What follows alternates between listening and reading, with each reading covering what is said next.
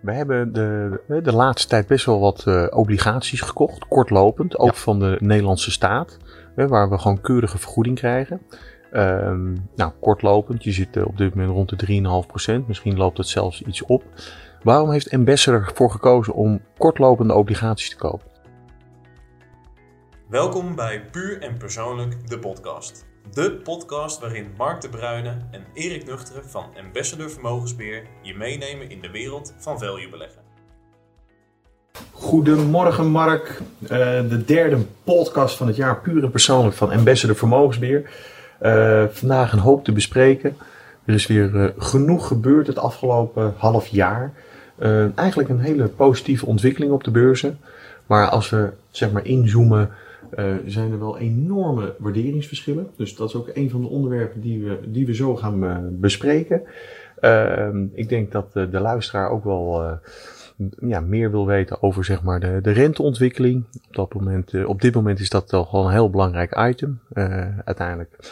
De rente is de allesbepalende factor op de beurs, zowel voor aandelen, maar ook voor vastgoed, voor obligaties, etc. Uh, nou, wat hebben we zeg maar recentelijk gekocht, verkocht? Uh, we zoomen ook nog even in op, op het beursgenoteerde vastgoed. Uh, ook afgelopen zes maanden, maar ook het jaar ervoor natuurlijk heel zwaar gehad. En misschien wel een beetje in de overdrijvingsfase beland.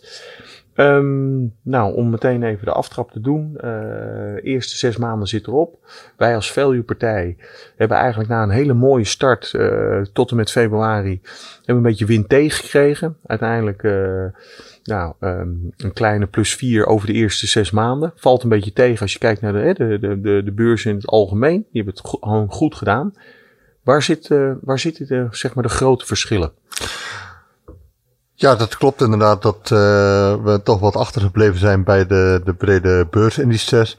Als je daar, zoals je zelf ook zojuist al aangaf, uh, wat nader op inzoomt, dan zie je eigenlijk dat uh, die beursrally dit half jaar eigenlijk maar gedragen wordt door een hele kleine groep van vooral grote techbedrijven. En als je die er eigenlijk buiten laat, dat eigenlijk in de breedte ja, het de beursontwikkeling niet zo positief is geweest. En dat is eigenlijk ook, ja goed, wij als value uh, beleggers kijken heel erg naar de waardering. En dan moet je toch zeggen dat die uh, grote techbedrijven, die vorig jaar overigens een uh, heel forse koersdaling hebben laten zien, dit jaar wel een flink herstel hebben laten zien, maar dat die waardering wel heel erg vooruitloopt op mogelijke positieve ontwikkelingen. Dan moet ik toch wel zeggen dat die bedrijven nou we noemen het geprijsd zijn voor perfectie.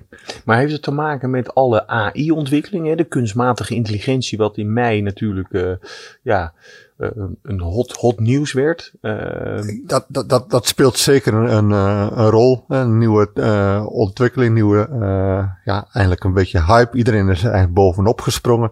De partijen die er nog niet in zaten en die toch de markt moeten volgen, moeten dan eindelijk dat soort bedrijven dan ook gaan kopen. Dus dat versterkt in zekere zin de rally.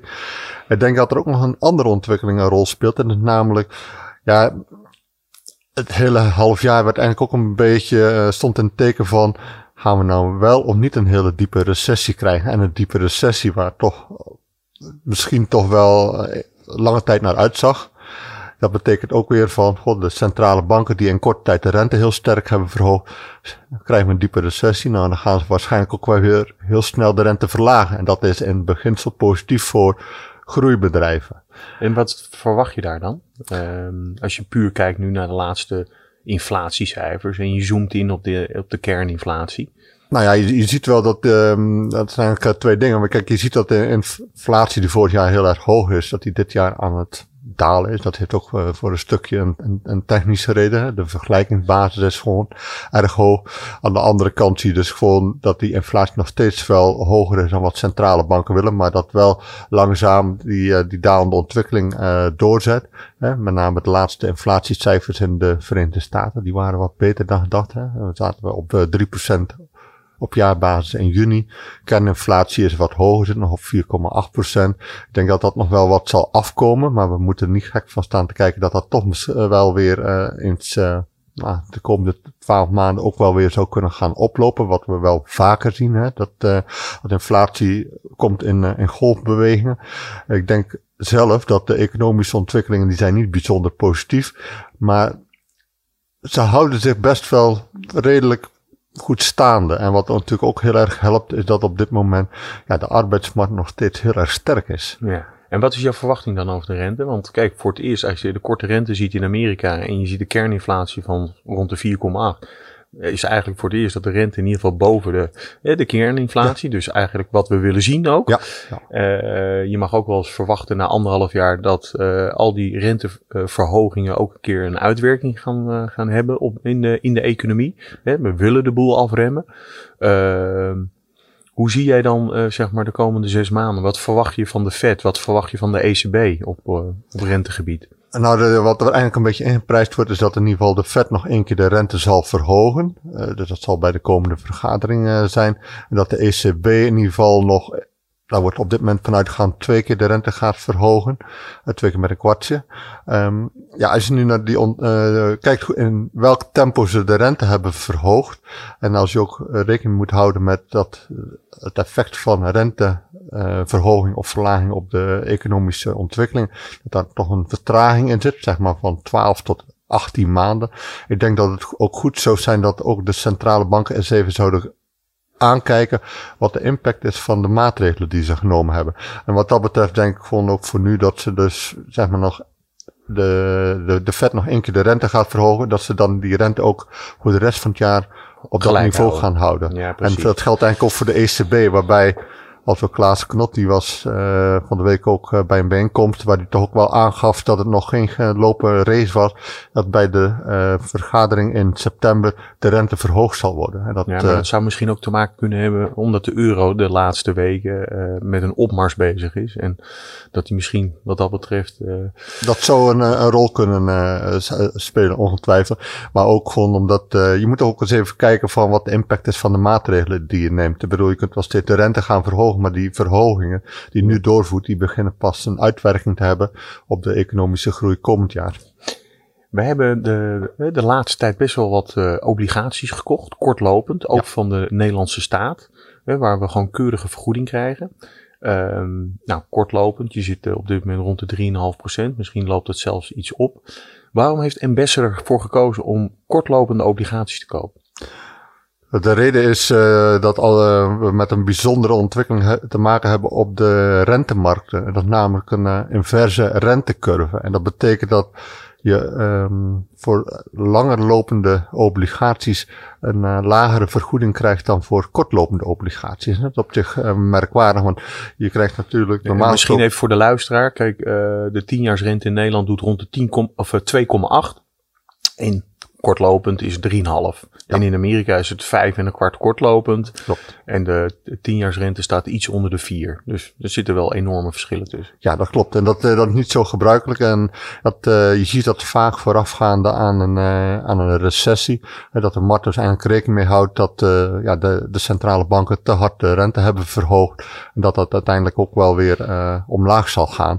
En voor ons... Goldman Sachs kwam deze week eigenlijk, joh, je kan er de hele tijd naar blijven kijken, maar trek je er niet zoveel van aan. Het is gewoon een uh, gegeven. En, uh... Nou ja, goed. Ik, ik, ik denk dat we vooral ook naar gewoon moeten kijken waar, waar kun je interessante beleggingskansen vinden in die obligatiemarkten.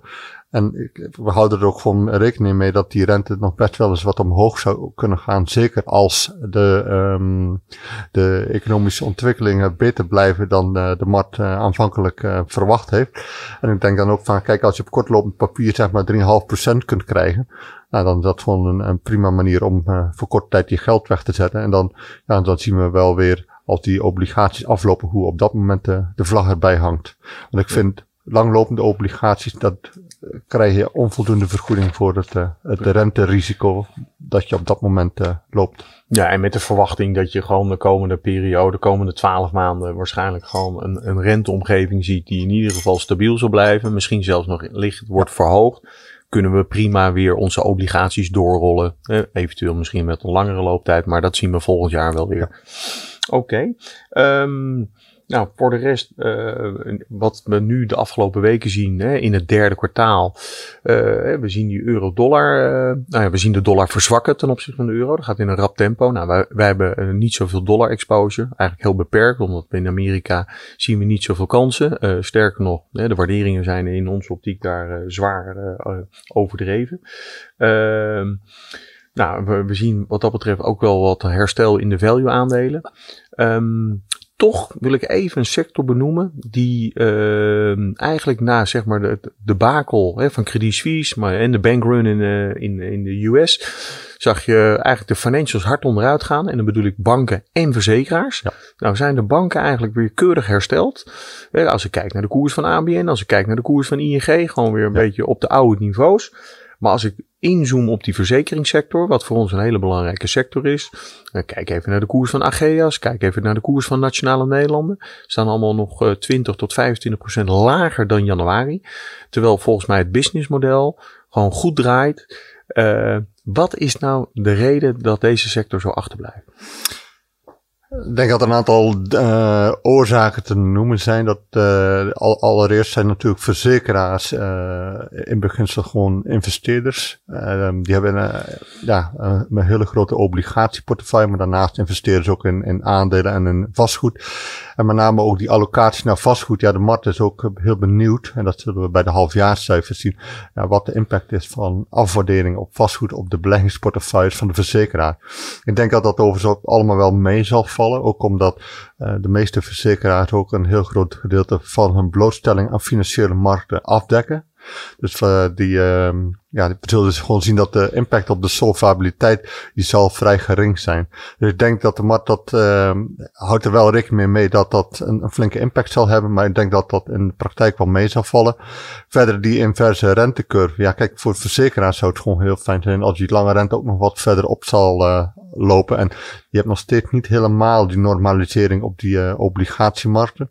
En verder spelen er ook nog wat boekhouderkundige aanpassingen op dit moment in de uh, Maar ja, de impact daarvan valt op zich ook wel mee. Dus ik denk dat uh, de markt um, ja, te negatief is over die verzekeringssector. Oké, okay. nou, nou is in ieder geval room for improvement. En, Absoluut. Uh, we zagen NN ook al in ieder geval uh, bekendmaken dat ze wat aandelen uh, gaan inkopen. Dus daar zijn we op dit niveau alleen maar, maar blij mee. Ja.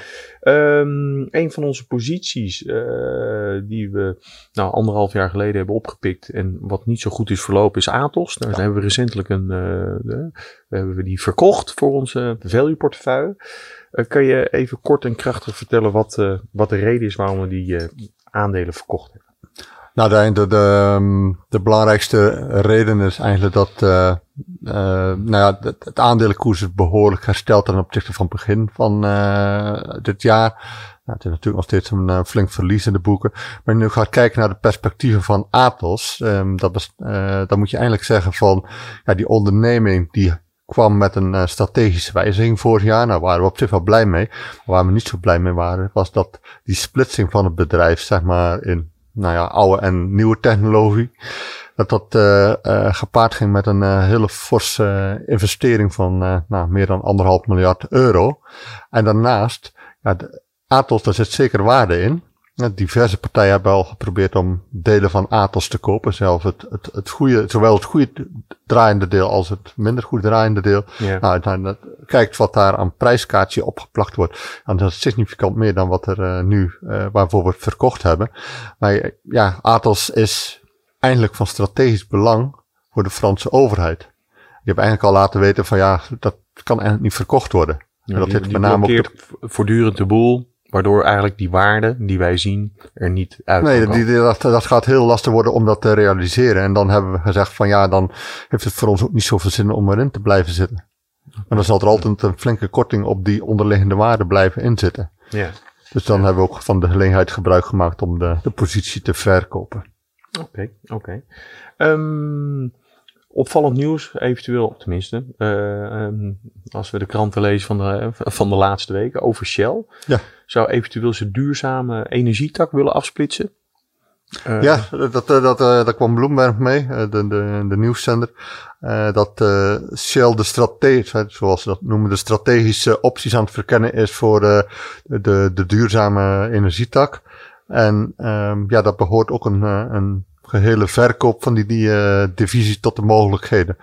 En dat is toch een beetje het draaien met uh, het gevoerde beleid onder uh, de vorige CEO. Hè. We hebben een, een, nieuwe CEO sinds kort. En um, ja, die, uh, heeft eindelijk tot prioriteit van zijn beleid gemaakt om het waarderingsverschil met de grote Amerikaanse oliemajors, zoals ExxonMobil en Chevron, om dat ja, te verkleinen. En een van de redenen waarom uh, dat waarderingsverschil bestaat, is natuurlijk dat Shell ook wat meer inzet op duurzame energie. En, ja, en, dat doen, doen uh, en even voor, voor de luisteraar, waar, waar, ziet je de uh, waarderingsverschillen? Dus als je Shell staat zes keer de winst, uh, praat je dan over 10, 11 keer de winst in Amerika? Ja, zoiets. Ja, dat zeg maar als je de, dezelfde waardering van ExxonMobil op Shell zou plakken, ja, dan zou de koers niet 27 euro staan, maar ga je snel richting de 45 euro. Ja. En um, ja, te, ik denk wel dat het een game changer zou kunnen zijn als ze die duurzame activiteiten verkopen. En dan gaan ze zich veel meer weer toespitsen op, op olie en met name gas, hè, met name LNG, wat, uh, waar Shell heel fors heeft op ingezet. Ja, en dan is het ook nog wel de vraag van, goh, ja, misschien dat er ook nog wel interesse zou komen voor, ja, voor de fossiele activiteiten van Shell. Dus ik zie dat, uh, ik zie dat best wel als een positieve ontwikkeling. Want uiteindelijk, kijk, de olie- en gasconsumptie wereldwijd, die neemt gewoon de komende jaren nog heel flink toe. En waarom zou Shell dat gewoon niet kunnen leveren? Dus ik vind het op zich wel goed dat Shell gewoon duidelijke keuzes maakt. Dan maakt het ook voor investeerders ook veel makkelijker om nou ja, zelf in de portefeuille te zeggen van, goh, ik wil een allocatie naar fossiele energie hebben. Dat doe ik dan via Shell spelen. Wil ik iets met duurzame energie? Dan speel ik dan via een ander bedrijf. Precies. Wat dat betreft een, uh, ja, een, in beginsel een positieve ontwikkeling. Oké. Okay. Um, nou, Tech Resources, Canadese mijnbouwer, hebben we al uh, volgens mij in de vorige podcast ook behandeld. Ja. Daar zijn we ingestapt, vervolgens na een maand alweer uitgestapt. Uh, en we zijn er recentelijk weer ingestapt. Uh, nou, misschien dat je aan de luisteraar iets kan vertellen wat, uh, wat de mijnbouwer exact doet. Ja, het, um, ja we zijn natuurlijk om, om te beginnen geen, geen handelshuis van aandelen verkopen, terugkopen en allerlei kleine beweging op de beurs maken. Maar bij Tech Resources, dat is een Canadese mijnbouwer, die aan de ene kant inzet op metalen die nodig zijn voor de energietransitie, met, met name koper en, en, en, zink. En daarnaast hebben ze ook nog een, een kolentak. En um, wat daar speelt is dat ze dat ja, op afstand willen zetten, die kolenactiviteiten. Het willen ook doen om zo hun uh, duurzaamheidsprofiel te verbeteren, maar ook om zo de, zeg maar, de, de financiering voor de investeringen die nodig zijn in uh, met name de koper- en uh, om dat te realiseren. Nou ja, we hebben toen uh, in het eerste kwartaal positie genomen. Die koers is toen eigenlijk heel snel flink opgelopen. Waarbij we eigenlijk ja, de opwaartse potentie niet zo groot meer was op dat moment hebben de positie verkocht en die is eigenlijk een korte tijd daarna weer teruggevallen naar de koers waar tegen we het gekocht hebben. Hè, zeg maar, uh, we hebben op 37,5 verkocht, uh, rond de 48 verkocht en we hebben rond de 38 weer teruggekocht. En wat er nog steeds speelt is die opsplitsing van het bedrijf tussen aan de ene kant die uh, duurzaam, zeg, met metalen die, nu, die nodig zijn voor de uh, energietransitie en uh, de andere activiteiten. En ja, ik denk nog steeds dat als je het totale plaatje bekijkt, dat er nog behoorlijke opwaartse potentie zit. En ja, de koersbeweging die we gezien hebben op de markt, ja, dat heeft ons in staat gesteld om twee keer dezelfde positie in te nemen. Oké. Nou, gaan we rustig afwachten, maar de, de vooruitzichten zijn in ieder geval goed. Um, dan gaan we ook nog even inzoomen op het uh, beursgenoteerde vastgoed. Een, uh, ja, een, zeg maar een sector die het heel zwaar heeft gehad door de oplopende rente in anderhalf jaar tijd. Hè. Um, nou, wanneer, staan we aan de vooravond van allerlei herfinancieringen? Nou, volgens mij duurt het allemaal nog wel even. De meeste partijen hebben hun financiering allemaal voor ja, toch wel langlopend weggezet. Dus de meeste partijen zullen in 2025, 26, 27 pas aan de beurt zijn. Ja. Eh, nou, er, staan, er wordt de laatste tijd best wel veel geschreven over de, over de vervangingswaarde. Ook over de problematiek uh, die uh, in, in Duitsland. Uh, er wordt ook niet meer zoveel gebouwd. Ook alles wat ze zeg maar begroot hebben, dat, dat komt er niet uit. Um, hoe zie jij op dit moment zeg maar de, de actuele koersen, kijk naar de waarderingen, kijk naar de vervangingswaarde, et cetera. Ja, kijk, uh, beursgenoteerd vastgoed is wel uh, de plek geweest uh, die het zo ongeveer het meeste last heeft gehad van de oplopende rente die we gezien hebben. Die oplopende rente die heeft eigenlijk ja, heeft een negatieve impact op de waardering van het vastgoed. Hè, wat je op dit moment nog niet echt in de boeken ziet staan, omdat er vrij weinig uh, ja, transacties zijn en dat die afwaardering eind nog voor een groot deel moeten gebeuren. Maar de beurskoers wordt daar wel al een hele groot uh, voorschot opgenomen. Je ziet het terugkomen in de, de financieringslasten die zullen oplopen. Maar wat je ook zegt, de, dat is heel veel grote bedrijven hebben de financiering geregeld dat er ieder jaar wat vrijvalt. En ja, wat, daarnaast zie je ook dat als gevolg van die oplopende rente, dat de markt ook bereid is om minder voor uh, ja, de cashflow uit dit soort bedrijven te betalen. Dus die wordt op, in, in principe op drie plekken geraakt. Nu heeft de, de markt wel een heel fors voorschot genomen op uh, ja, de ontwikkelingen die zouden kunnen plaatsvinden. Maar als je gewoon heel simpel kijkt naar ja, een vrij grote allocatie in de portefeuille, dat zijn de appartement, Duitse appartementen. Ja, dat, wat je daar gewoon ziet van als je een ja, appartement moet bouwen, dat je snel, voor Novia, een van de grootste posities die we hebben, als die dus in Berlijn aan het bouwen zijn, dat kost een appartement van zeg maar 100 vierkante meter, dat, dat gaat gepaard met bouwkosten van een half miljoen euro. Ja, je kunt dus niet die lage huurniveaus aanbieden ja. en dan toch verwachten dat uh, investeerders bereid zijn om daartegen te, te bouwen en daartegen gewoon uh, het, het, vastgoed aan te bieden. En ik denk wat dat betreft zie je een beetje een spanningsveld van aan de ene kant die hoge rente, waardoor investeerders genegen zijn om te zeggen van goh, de rente op uh, 3,5 of 4 procent staat, dan neem ik geen genoeg meer met een aanvangsrendement van nou ja, van 3,5 procent. En dat is op zich ook logisch. Alleen ja, aan de andere kant, als je dus op dit moment vastgoed uh, moet gaan bouwen, ja, dan wil je ook wel dat daar een bepaalde uh, vergoeding tegenover staat. En daar zit een bepaald spanningsveld in. En je ziet dus ook dat heel veel grote investeerders en ook grote vastgoedondernemingen, ja, gewoon hun, uh, hun bouwplannen in de ijskast zetten.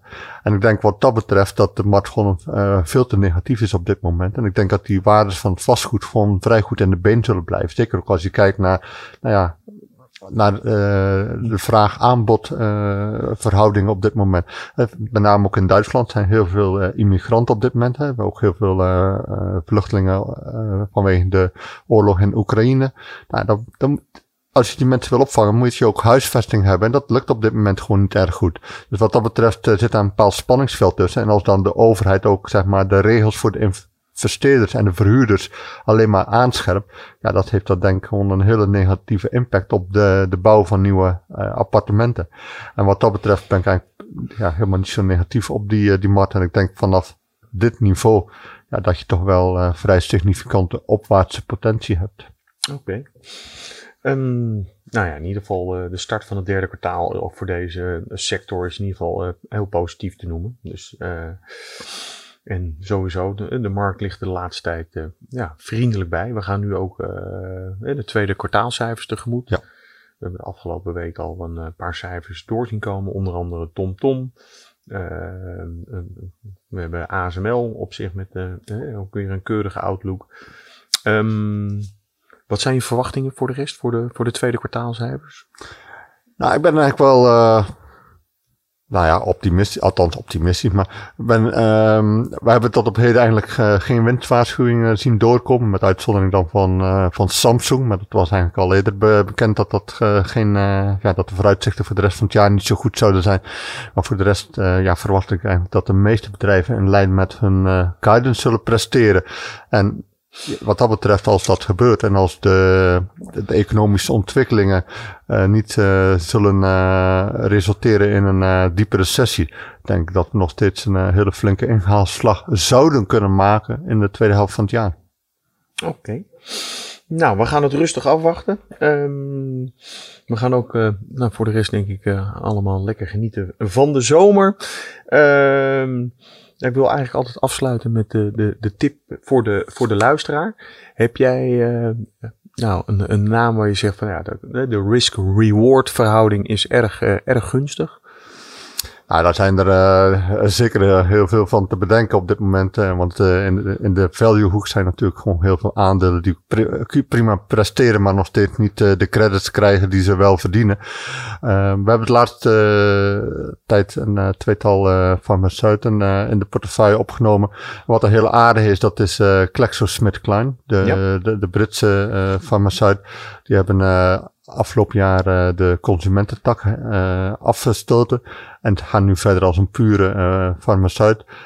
Ik denk dat ze eigenlijk een hele mooie pipeline hebben van ja, producten die op de markt gebracht kunnen worden. En dat ze daarnaast ook een heel sterke vaccinactiviteiten hebben. Dat de markt gewoon veel te negatief is over de perspectieven van dit bedrijf. En krijgt ondertussen nog een, een keurig dividend wat per kwartaal wordt uitgekeerd. Wat op de huidige koers ongeveer 4,5% oplevert. Ja. En uiteraard best wel aardig voor de luisteraar. We hebben in Engeland geen dividendbelasting. Absoluut. en sowieso het accent in onze value portefeuille, maar ook in onze dividendportefeuille ligt wel uh, aardig op het uh, Engelse continent. Um, nou, nogmaals dank voor het, voor het luisteren. wij zijn er in oktober weer bij de, bij de derde kwartaalcijfers, bij de derde kwartaal update. En ehm, nogmaals, ik wens iedereen een, een fijne zomer. En nou, succes met de, met de beleggingen. Let op. Beleggen brengt risico's met zich mee. Uw inleg kan minder waard worden. De in deze podcast verstrekte informatie is niet bedoeld als professioneel beleggingsadvies en is geen aanbeveling of uitnodiging tot koop of verkoop van enig financieel instrument. De informatie is uitsluitend bedoeld om kennis te maken met de beleggingsvisie van Ambassador. Aan de verstrekte informatie kunnen geen rechten worden ontleend.